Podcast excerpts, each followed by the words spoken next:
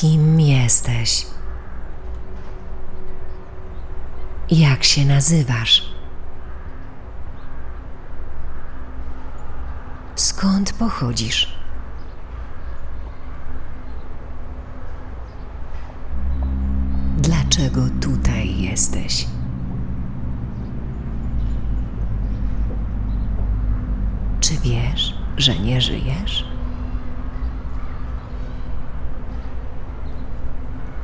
Jeśli tu jesteś, powiedz coś, proszę.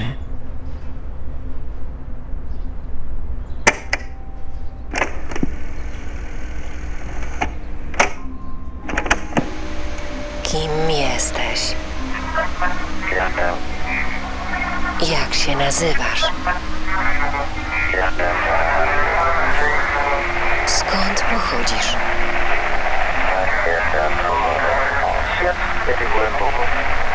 Dlaczego tutaj jesteś?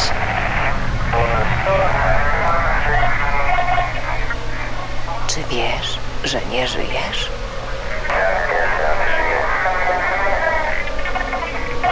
Jeśli tu jesteś, powiedz coś. Proszę. Umrzesz. Co? Umrzesz. Nie, nie. Umrzesz. Nie, to nie może być prawda.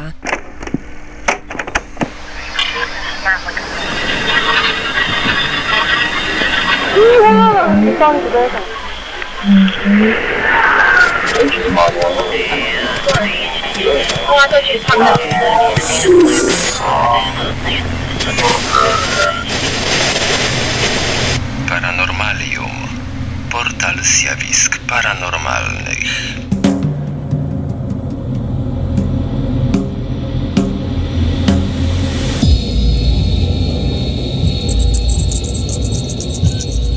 Pracując w polu, Sharon Leong pakuje cyfrowy aparat fotograficzny, termometr i miernik pola elektromagnetycznego. Nie jest ona prywatnym detektywem ani elektrykiem. Leong, za dnia prawniczka, nocą przeobraża się w gorliwą poszukiwaczkę duchów. Z tymi i wieloma innymi rzeczami przydatnymi przy polowaniu, Leong podróżuje do rzekomo nawiedzonych domów, na pola bitew, do barów i hoteli zbierając to, co uznaje za dowody na istnienie świata pozaziemskiego. Poszukiwanie upiornych dowodów od wieków było popularną rozrywką. Obecnie zamiast tablic Ouija, łowcy duchów sięgają po coraz bardziej zaawansowany technicznie sprzęt pomocny w poszukiwaniach. Tacy łowcy duchów używają cyfrowego sprzętu, aby udokumentować potencjalne oznaki nawiedzenia. Aparaty fotograficzne i dyktafony rejestrują niesamowite widoki i dźwięki, podręczne urządzenia mierzą promieniowanie elektromagnetyczne i dziwne skoki temperatury. Kombinezony, takie jak w filmie Ghostbusters, nie są potrzebne, ale kieszenie i kurtki rybackie pozwalają chować wszystko w biegu. Hobbyści tacy jak Leong znajdują wyposażenie w sklepach elektronicznych albo w specjalistycznych sklepach internetowych, takich jak Ghost Mart, które specjalizują się w promocjach na sprzęt do paranormalnych badań. Choć większość wyposażenia to sprzęty służące raczej do codziennego użytku, inne, takie jak miernik pola magnetycznego zwany miernikiem duchów, są stworzone specjalnie do poszukiwania duchów. Ceny kompletnego ekwipunku wahają się od 250 do nawet 2000 dolarów. Prawdopodobnie dla ludzi przyszłości z naszymi aparatami będziemy się wydawali jacyś średniowieczni, ale musimy od czegoś zacząć, mówi Leong. Coś powoduje, że te przyrządy wariują. Nie jesteśmy jednak pewni, dlaczego tak się dzieje. Leong podróżowała do słynnych nawiedzonych miejsc, takich jak więzienie w Alcatraz, z członkami towarzystwa San Francisco Ghost Society. Jest to jedna z wielu setek działających w tamtym rejonie paranormalnych grup, zrzeszających dziesiątki tysięcy członków na obszarze całej Ameryki Północnej. Międzynarodowe Stowarzyszenie Łowców Duchów ma członków w ponad 90 krajach. Internet pozwala entuzjastom dzielić się materiałami filmowymi, które nagrali, natychmiast i anonimowo, co pozwala na znalezienie osób o podobnych zainteresowaniach, obawiających się pośmiewiska ze strony postronnych ludzi. Ghost Village, wieś duchów, jest najlepszą piastą dla tej społeczności. Każdego miesiąca zagląda tutaj 80 tysięcy gości, dwa razy tyle jak przez całe Halloween. Narzędzia, jakie zawiera w sobie standard Web 2.0, umożliwiają łowcom duchów wciągnięcie w temat dużych społeczności, takich jak MySpace, i niszowych, takich jak I Am Haunted. Czaty, blogi i pliki wideo przyciągają co miesiąc ponad 30 tysięcy gości, w tym kilkudziesięciu nowych każdego dnia. Niektóre witryny poświęcone duchom umożliwiają oglądanie na żywo obrazu z nawiedzonych kamer, rozstawionych w znanych nawiedzonych miejscach. Serwis YouTube stał się magazynem dziesiątek tysięcy nagrań wideo, pokazujących rzekomo upiory i inne zjawy. Szał dotarł również na iPody, Katalog Apple iTunes zawiera ponad tysiąc paranormalnych podcastów. Są tam m.in. nagrania rozmów w San Francisco Ghost Society, prowadzonych przez założyciela grupy Tomiego Netzbanda. On i jego wspólnicy badają dom, który według nich jest nawiedzony w jeden z trzech sposobów. Rezydujący, inteligentny i nieludzki. Jak mówi Netzband, 99% tych zjawisk znajduje sensowne wytłumaczenie, kiedy ludzie do niego dzwonią i mówią ściga mnie cień, automatycznie zaczyna myśleć, że zwariowali. Grupa nie popiera pomysłów ludzi, którzy myślą, że jest to jakaś wspaniała praca. Sam Netzband doświadczył cienistych ludzi, innych nawiedzeń i został oszukany przez duchy, ale zajęło mu to wiele lat. Netzband twierdzi, że większość nawiedzeń można zaliczyć do kategorii rezydującej, rozumiane jako impresje wydarzeń z przeszłości, które pozostają zakorzenione w miejscu i powtarzają się w obecnym czasie jak jakiś zablokowany zapis. Mogą to być uczuciowe ślady bardzo emocjonalnych momentów w czymś życiu, takie jak ostatni oddech, piosenka lub zapach perfum. Na przykład Netzband objechał okolice Haight Ashbury, a dokładnie chodnik, który rzekomo jest nawiedzony przez dźwięk stąpających butów od chwili, gdy w latach 70. zastrzelił się tu pewien nastolatek. Netzband i inni badacze twierdzą, że paranormalne rozrywki zyskały na popularności w ostatniej dekadzie, głównie za sprawą komedii sytuacyjnych takich jak NBC's Medium oraz prawdziwe pokazy takie jak Ghost Hunters na kanale Sci-Fi, który przyciąga miliony widzów. MTV produkuje Celebrity Paranormal Project, zaś kanał Discovery nadaje program The Hauntings. Internetowe wydanie programu Most Haunted emitowanego na kanale Travel Channel, oferuje porady, jak przekształcić telefon komórkowy w czytnik elektromagnetyczny. Łowcy duchów, zarówno w telewizji, jak i na ulicy, używają cyfrowych aparatów fotograficznych, potrafiących przechwytywać światło podczerwone i ultrafioletowe, którego zwykły film nie jest w stanie przechwycić. Inni hobbyści wolą specjalne polaroidy potrafiące drukować zdjęcia, bo drukowane obrazy mają dla badaczy większą wartość niż piksele. Sharon Leong Używa z kolei aparatu Canon PowerShot o rozdzielczości 5,1 megapiksela, mogącego sfilmować pędzący punkt. Badaczka zaleca stosowanie szerokokątnego obiektywu i trójnogu pozwalającego na zostawienie na wiele godzin włączonej kamery. Jednakże w polu badań łowcy duchów rzadko wyłapują obrazy stereotypowych cienistych postaci lub białych kobiet. Zamiast tego otrzymują fotografie przemieszczających się kuleczek światła, będących najbardziej popularną oznaką obecności duchów. Obecność takich ciał zwykle nie jest powodowana błyskiem flesza lub obecnością kurzu na soczewce. Netzband sądzi jednak, że pewne lekkie kropelki wody reprezentują prawdziwe duchowe gówno. Ten typ wyładowania, znany inaczej jako ektoplazma, może się ukazać jako promień świetlny lub para. Wielu łowców duchów twierdzi, że nawiedzenia związane są ze zmianami pola elektromagnetycznego i że działalność duchów przybiera na sile w słoneczne dni lub przy pełni księżyca. Dlatego Netzband, Leong i ich koledzy używają ręcznych wykrywaczy pola elektromagnetycznego i czujników Geigera, aby pozyskać informacje o promieniowaniu w nawiedzonym miejscu. Ładowane korbką lub bateriami latarki Faradaya są poręczne, dopóki duch nie wyssie z baterii całej energii. Przydają się również staromodne kompasy i nowoczesne podczerwone termometry. Łowcy duchów twierdzą, że pozostałe nawiedzenia są tylko krótkotrwałym holograficznym przebiciem z innego wymiaru lub czasu. Sądzą też jednak, że inteligentna klasa nawiedzeń, więcej niż echo z przeszłości, może mówić o ludziach i wydarzeniach w obecnym czasie i dlatego wymagać różnego wyposażenia. Umarli najwidoczniej jednak potrzebują pomocy technicznej. Kosztujący 70 dolarów Belfry Bat Detector wychwytuje infradźwięki. Bardziej pospolite są chociażby kasety lub cyfrowe dyktafony używane do nagrywania szeptu duchów. Niektórzy łowcy duchów wolą urządzenia niskiej jakości, twierdząc, że byty używają białego szumu do utworzenia głosu. Rozmowa może brzmieć jednostronnie, kiedy badacze zadają duchom pytania, ale łowcy duchów przysięgają, że słyszą słowa i frazy znane jako elektroniczne zjawisko głosowe EVP, gdy odtwarzając nagranie podkręcają głośność i oczyszczają nagrania na komputerze. Eksperymentatorzy zredagowali oprogramowaniem takim jak Adobe Audition, dawny Cool Edit lub Audacity, wiele nagrań i wgrali na strony internetowe setki sesji EVP. Liza i Tom Butlerowie mówią, że rozmawiają ze zmarłymi poprzez nagrania głosowe od 16 lat. Zespół składający się z męża i żony prowadzi Stowarzyszenie na Rzecz Elektronicznych Zjawisk Głosowych, organizację typu non-profit, której witrynę odwiedza 2000 gości dziennie. Butlerowie twierdzą, że osiągają słyszalny wynik przy prawie 1 trzeciej wszystkich sesji, co wystarcza do tego, aby ich działania miały jakieś znaczenie. To jest coś dużo poważniejszego niż polowanie na duchy, powiedziała Liza Butler, emerytowany psycholog. Mamy ludzi docierających do swoich bliskich zarówno przez dźwięk, jak i obraz. Niektórzy ludzie są co do tego sceptyczni, ale jest to coś, co możesz zrobić dla siebie.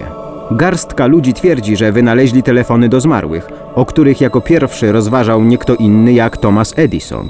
Sharon Leong widziała takie urządzenie wiosną tego roku w hotelu Stanley w Colorado w Stanach Zjednoczonych.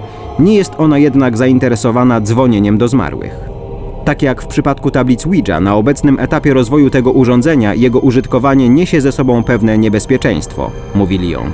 Przede wszystkim skąd pewność, że słyszymy głos zmarłej osoby czy jakiegoś demona, który naśladuje głos zmarłego krewnego?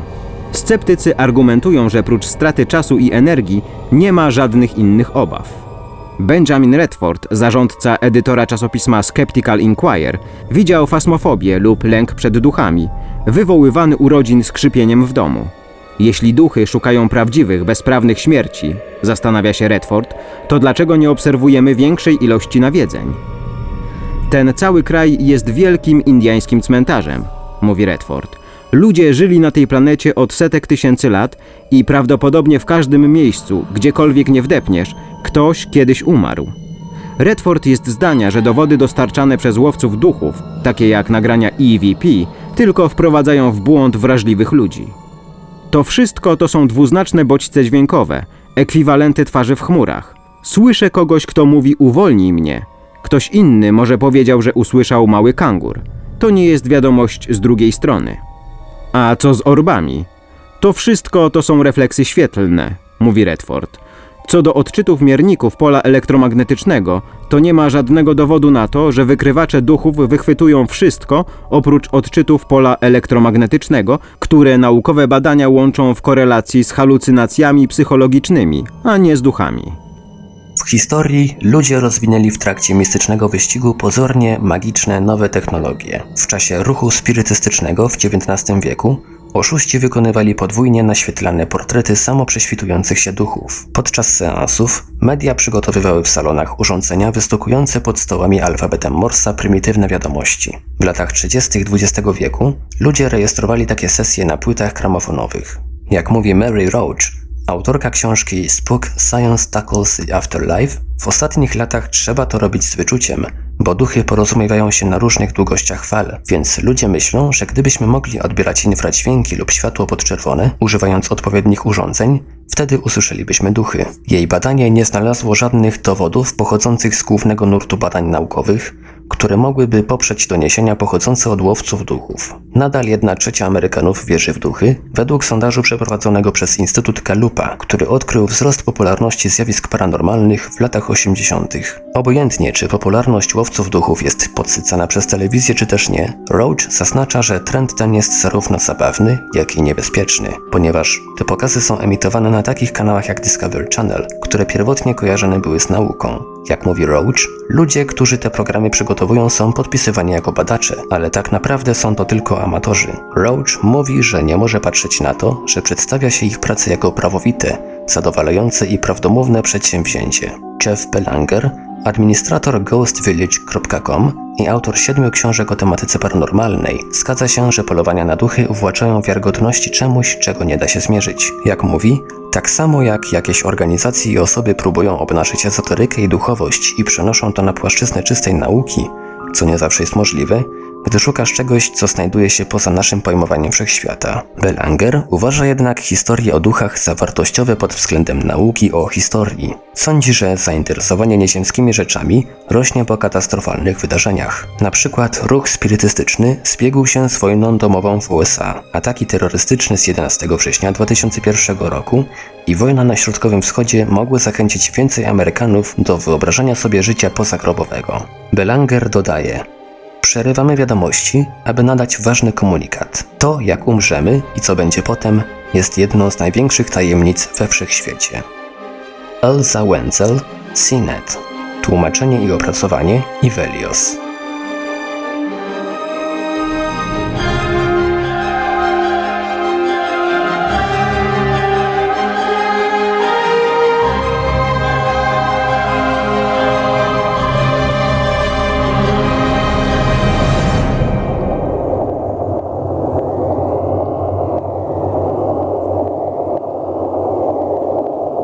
Chcielibyśmy zaprezentować Wam kilka ciekawych nagrań tzw. Tak elektronicznego zjawiska głosowego, znanego pod angielskim skrótem EVP. Pochodzą one z różnych źródeł. Większość z nich została sprawdzona i opublikowana przez redakcję amerykańskiego serwisu paranaukowego paranormal.about.com. Najpierw jednak kilka słów o samym EVP. Jest to forma komunikacji ze zmarłymi za pomocą magnetofonów, dyktafonów i innych urządzeń rejestrujących dźwięk. Jednym z najbardziej znanych stowarzyszeń zajmujących się badaniem tego zjawiska jest amerykańskie stowarzyszenie EVP, które obecnie ma członków w ponad 20 krajach na całym świecie. Jednym z największych propagatorów EVP był dr Konstantin Rodiv, który w swoich książkach opisał ponad 70 tysięcy informacji nagranych podczas kilkudziesięciu lat badań. W 1972 roku grupa inżynierów dźwięku i techników radiowych z całej Europy wspólnie z Towarzystwem Badań Paranormalnych przeprowadziła serię eksperymentów z EVP. Ówczesny prezes towarzystwa Archie Shergold stwierdził, że eksperymenty ponad wszelką wątpliwość dowiodły, że zjawisko komunikacji EVP jest autentyczne. Sceptycy nie dali się jednak przekonać i wskazali, że największym problemem EVP jest nagrywanie przez urządzenia rejestrujące dźwięków wysyłanych przez użytkowników innych odbiorników radiowych, którzy akurat znajdują się w pobliżu. Nie można jednak potwierdzić, że wszystkie nagrania EVP są wynikiem intermodulacji czy przebić, ale większość jest wynikiem właśnie tych zjawisk. Za chwilę usłyszysz wybrane przez nas nagrania EVP. Każde nagranie zostanie powtórzone dwukrotnie. Pierwsze nagranie pochodzi z końca lat 90. Jego autor, młody amerykański entuzjasta i badacz amator, twierdzi, że słychać na nim głosy śpiewających mnichów.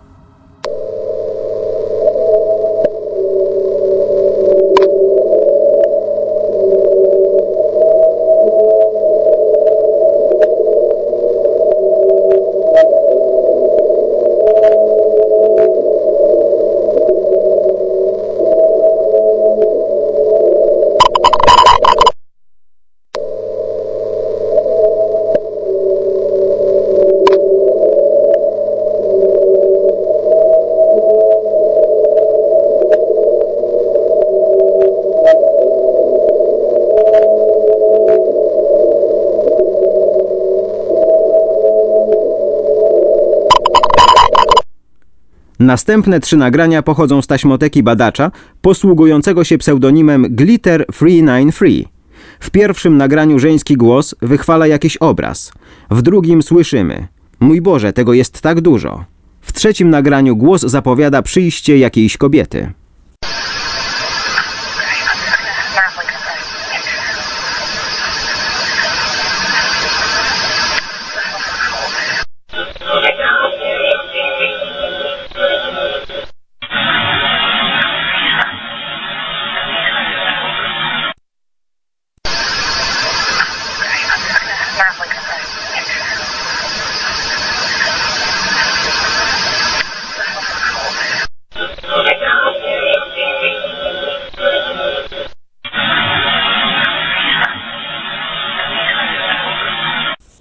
Kolejne nagranie zostało wykonane przy pomocy cyfrowego dyktafonu z podłączonym zewnętrznym mikrofonem.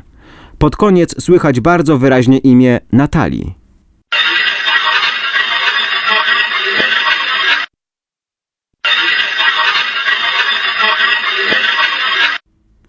A oto nagranie dokonane przez Cindy Smith z Pensylwanii w Stanach Zjednoczonych. Zwykle to osoba nagrywająca pyta ducha o to, kim jest – tym razem jednak to duch zapytał Cindy.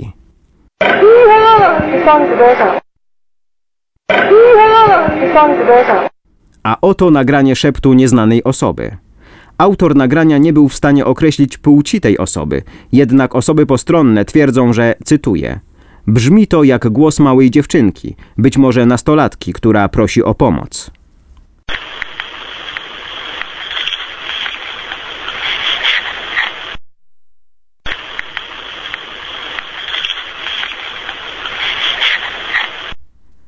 A oto kilka nagrań EVP, które udostępniła nam Strefa Zero.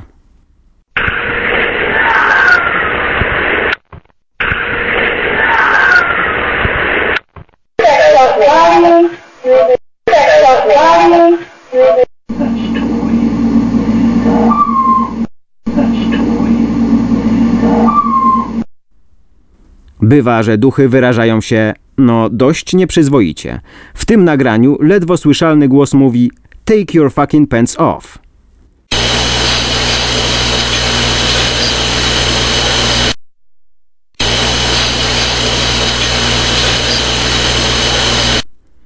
Nagranie dokonane przy pomocy starego radioodbiornika. Głos ma rzekomo oznajmiać. Podglądamy cię. Po niemiecku.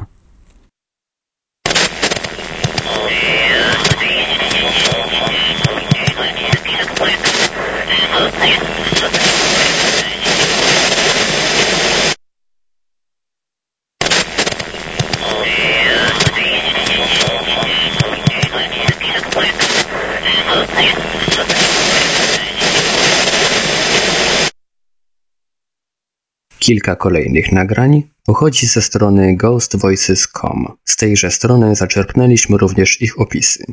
To nagranie zostało wykonane na cmentarzu w Bevier w Missouri w lutym 2003 roku. Pogoda była słoneczna, wiał jednak wiatr. Zatrzymaliśmy samochód niedaleko grobów kilku przyjaciół rodziny mojej żony i poprosiliśmy ich, by przemówili. Poprosiłem ich, by podali swoje imiona lub powiedzieli cokolwiek, co chcieliby powiedzieć. Odmówili. Mimo to jednak jeden z duchów przemówił i ogłosił, że nazywa się Susan.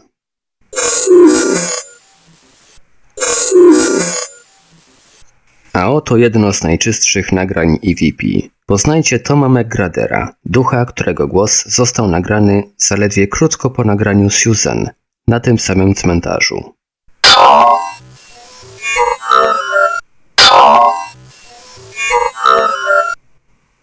Oto dwa nagrania dokonane przez Melisę, przyjaciółkę założyciela serwisu ghostvoices.com. W przeciągu zaledwie kilku dni dwukrotnie nagrała ona głos ducha, który przedstawił się jako Calvin.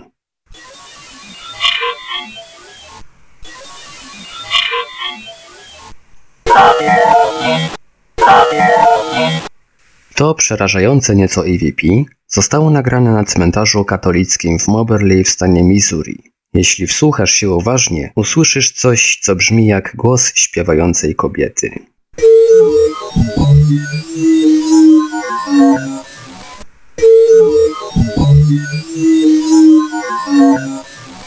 To EVP zostało zarejestrowane 11 marca 2003 roku wewnątrz starego kościoła w Eusebia, niedaleko Novelty w stanie Missouri. Ów kościół przez długi czas pozostawał opuszczony i groził zawaleniem. Autor dokonał tego nagrania w momencie, gdy udało mu się wreszcie wejść do środka kościoła po długiej walce z nieotwierającymi się drzwiami. Autor zapewnia, że nikt nic nie mówił. Nie był to żaden z jego towarzyszy.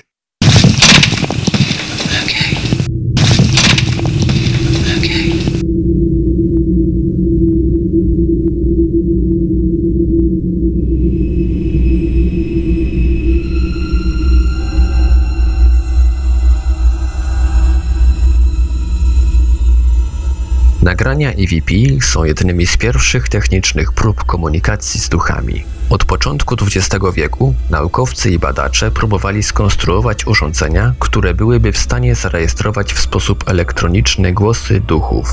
Próby te nastręczały wiele trudności i często kończyły się niepowodzeniem. EVP pozostawało zjawiskiem relatywnie mało znanym do roku 1959, kiedy to szwedzki śpiewak operowy, malarz i producent filmów Friedrich Jürgenson odkrył niezidentyfikowane głosy nagrane na taśmie magnetofonowej. Nagrywał wówczas śpiew ptaków nieopodal swojej willi.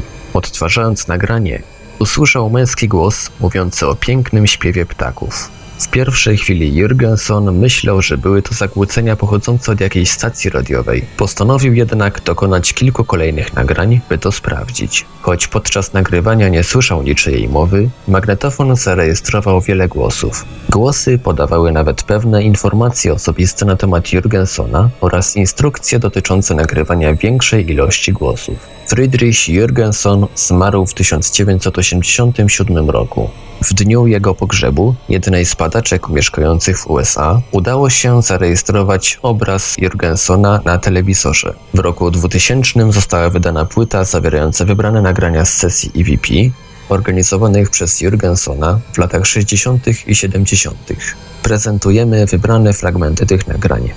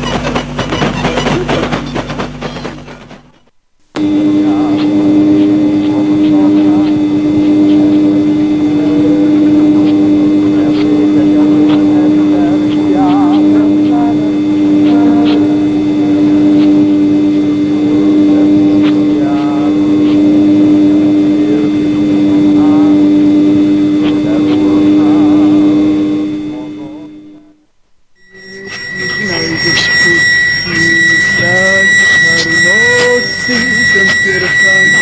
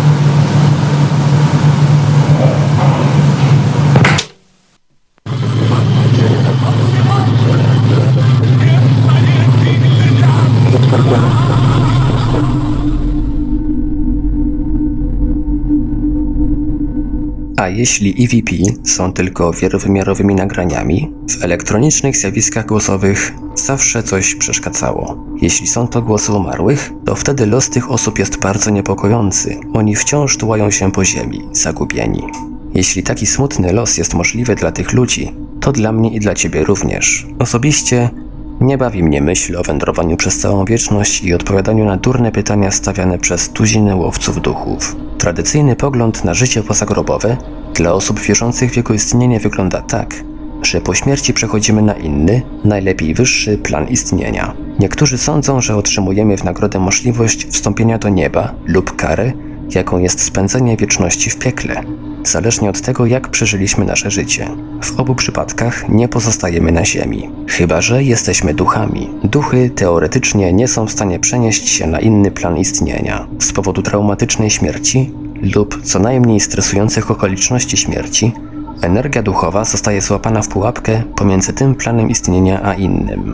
Czy wszystkie głosy zarejestrowane podczas EVP należą do zniewolonych duchów? Jeśli tak, to jest ich dość dużo. Grupy poszukujące duchów oraz inni badacze na całym świecie wychwytują te głosy gdziekolwiek pójdą.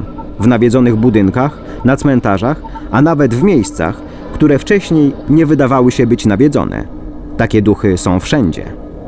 Reprezentują one prawdziwą mieszankę. Starzy i młodzi, szczęśliwi i smutni, paskudni i mili. Najbardziej trapiące są głosy dzieci, szczególnie tych, które wydają się być zdezorientowane i zagubione. Sam słyszałem EVP dzieci ze smutkiem narzekających na zimno lub żałośnie poszukujących rodzica.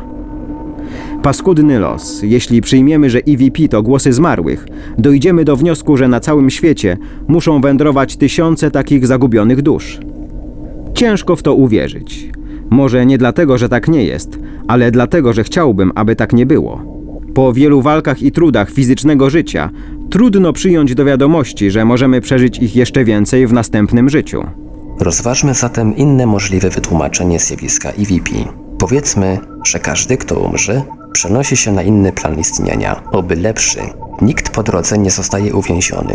Co wtedy mogłoby wyjaśnić tajemnicze głosy EVP? Być może EVP to holograficzne odbicia ludzi, którzy żyli wcześniej. W całości jesteśmy zbudowani z energii, potężnej energii, którą my, nasze osobowości i nasze dusze oddziałujemy wzajemnie z energią otaczającego nas wszechświata. W niektórych przypadkach, być może we wszystkich, gdy umieramy, wielowymiarowy hologram utworzony przez tą energię osobowości pozostaje na tym planie istnienia. Inaczej mówiąc, EVP to nie są głosy samych ludzi, ale tylko tego, co ich reprezentuje. To holograficzne nagrania osobowości tych ludzi. Nagrania interakcyjne. Jeśli są to tylko nagrania, to można zadać pytanie, w jaki sposób mogą one oddziaływać wzajemnie z osobami żywymi, odpowiadając na pytania stawiane przez łowców duchów lub komentując ich rozmowy. Dlatego, że są to wielowymiarowe holograficzne nagrania. Konwencjonalna fotografia holograficzna zapisuje obraz w trzech wymiarach. Mówiąc o świecie duchów, mamy na myśli świat wielowymiarowy, gdzie czas i przestrzeń nie mają żadnego znaczenia. W takim świecie holograficzne nagranie może zawierać wszystkie informacje o osobowości danej osoby, pozwalając na odpowiadanie na pytania i oddziaływanie z żywymi ludźmi w normalnym czasie. Jest to wirtualna, nieżyjąca osoba, posiadająca wszystkie osobiste cechy: radość, smutek, dezorientację lub skupienie. Według tej optymistycznej teorii EVP nie wychwytuje głosów biednych, zagubionych dusz, ale odbiera pewne holograficzne ślady pozostawione przez duchy, które przeszły do innej rzeczywistości. Nie można tego oczywiście udowodnić. Jest to jednak bardziej pocieszająca myśl. Stephen Wagner. Tłumaczenie i opracowanie Ivelios.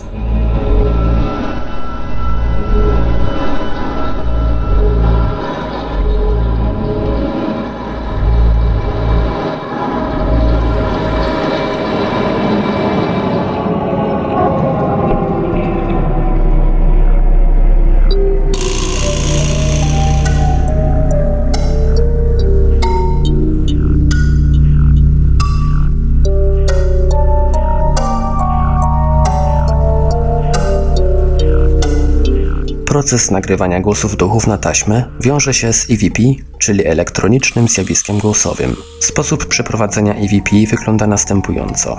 Udaj się do miejsca, w którym mogą znajdować się byty duchowe, na przykład na cmentarz, i rozpocznij dosłowną rozmowę z duchem.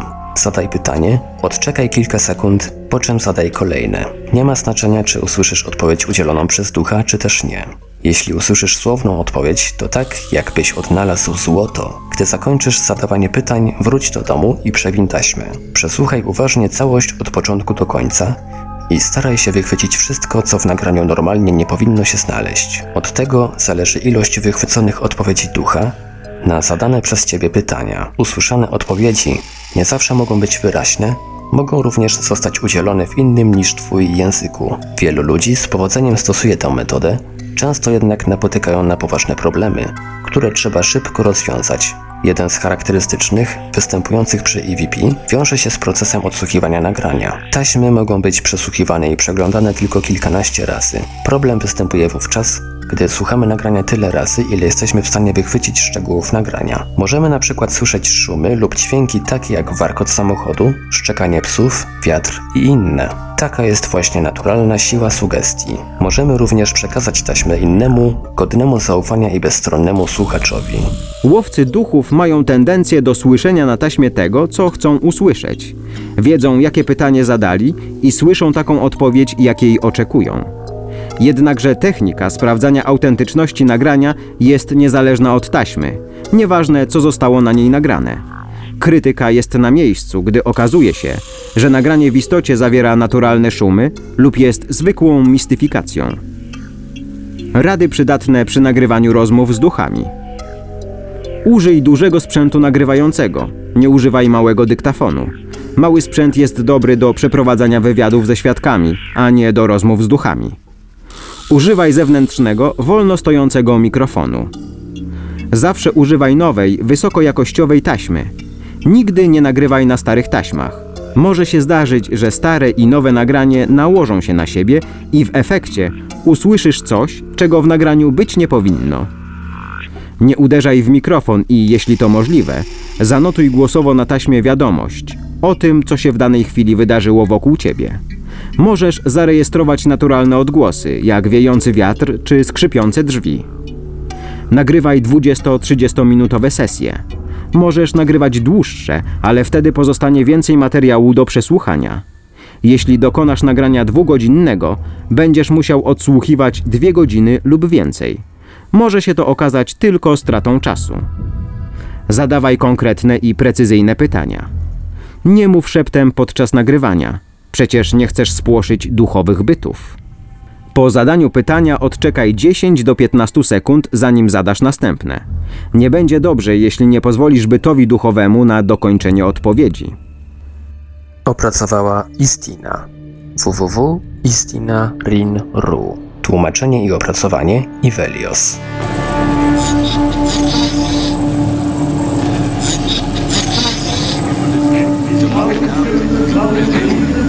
una doble, due su due, perfetto, sono in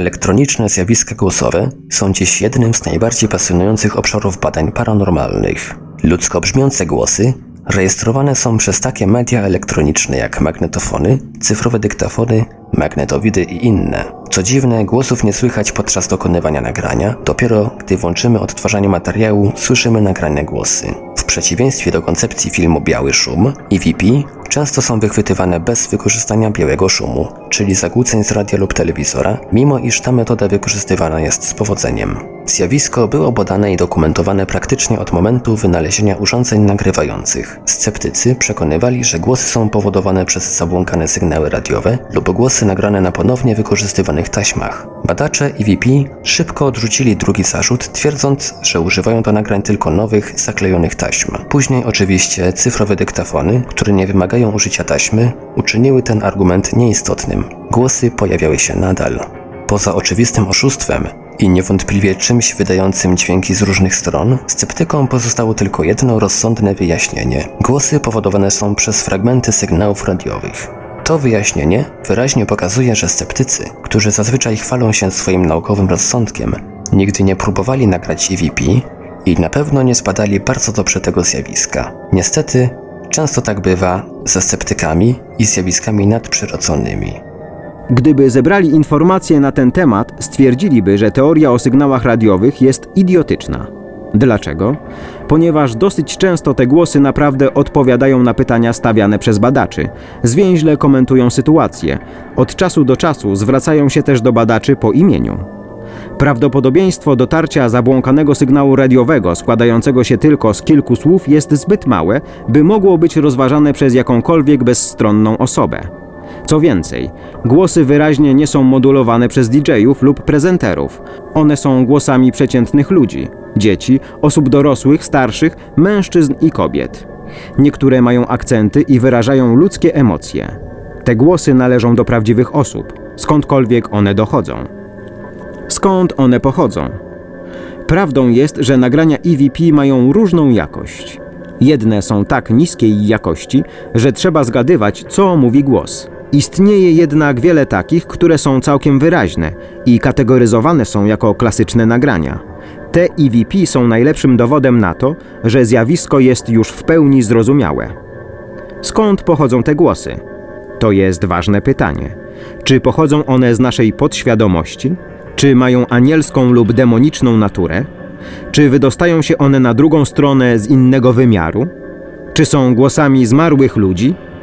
Rozważmy ostatnią możliwość, że są one głosami zmarłych ludzi. Jest to teoria powszechnie wykluczana przez badaczy EVP. I jeżeli jest to prawda, jakie jest znaczenie EVP i rzeczy, o których mówią głosy? Zjawisko ducha zawsze budziło wiele pytań. Co się dzieje w każdym z nas, gdy umieramy? Czy niektórzy skazani są po śmierci na pobyt w świecie żywych, pozornie nieświadomi swojego zgonu, przez nieznany okres czasu? Jeżeli czas ma jakiekolwiek znaczenie tam, gdzie jesteśmy, dlaczego i jak pozostają? W bardzo rzadkich przypadkach duchy, czyli widma, komunikują się ze światem żywych. Zazwyczaj pojawiają się i znikają. Były próby porozumiewania się z umarłymi dzięki środkom przekazu, seansom i tabliczkom Ouija. Jednakże rezultaty tych prób są wątpliwe lub w najlepszym przypadku bardzo kontrowersyjne. Z drugiej strony EVP wydają się być bezpośrednimi przekazami od tych duchów. Niezbite dowody. Głosy zarejestrowane na nagraniach. One reagują, odpowiadają na pytania, nawet zadają własne pytania. Setki tych głosów udokumentowano, być może nawet tysiące. Możesz wysłuchać rozmaitych przykładów nagrań EVP na kilku stronach internetowych. Na przykład na stronie Utah Paranormal Research Group usłyszysz przyjazny głos mówiący jak to zrobić i grożący przyszedłem tu z piekieł. Na stronie The Atlantic Paranormal Society jest błagalne nagranie głosu dziecka nie odchodź i kobiety mówiącej nie rań mnie. Istnieją EVP odzwierciedlające pełną gamę ludzkich cech i uczuć. Ci ludzie są nie tylko samokrytyczni, ale ich współdziałanie z badaczami wskazuje, że są oni świadomi życia. Oni słyszą nas i widzą. Czy oni wiedzą, że sami nie żyją? Czy wiedzą, że my żyjemy? Czy znają różnicę? Te biedne dusze wydają się być uwięzione w otchłani. W ich wypowiedziach wyczuwalne jest pewnego rodzaju zakłopotanie i niepewność. Jaki jest ich świat? Może on wykraczać poza nasze ziemskie rozumowanie, za co być może powinniśmy być wdzięczni. Jeśli EVP są głosami zmarłych, czy sugeruje to fatum ciążące nad niektórymi z nas? My również możemy zostać uwięzieni w otchłani, walczyć o nawiązanie kontaktu z dziwnymi istotami, chodzącymi dookoła z magnetofonami. Nie jestem jedyną osobą myślącą negatywnie o śmierci i jej następstwach, ale EVP stanowi obecnie dowód na to, że życie po śmierci nie zawsze bywa tak prostolinijne i przyjemne, jak mogłoby się wydawać. Stephen Wagner Tłumaczenie i opracowanie Ivelios Czytali Ivelios I Hubert Chłopicki. W dzisiejszej audycji gościnnie wystąpiła Julita Lachowska.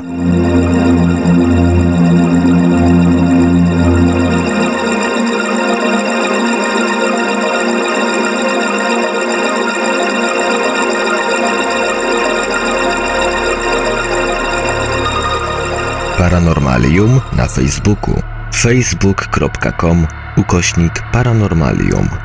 Polecajcie Paranormalium swoim znajomym. Polecajcie nas gdzie się da. Na forach, na profilach, gdziekolwiek. Niech społeczeństwo zrozumie, że UFO i zjawiska paranormalne nie są tylko tematem do żartów, ale też wartą zainteresowania dziedziną o najszerszych horyzontach poznawczych. facebook.com ukośnik paranormalium. Radio Paranormalium. Radio Paranormalium to radio internetowe nadające audycje o tematyce paranormalnej, ezoterycznej oraz konspiracyjnej. Słuchaj nas na www.radioparanormalium.pl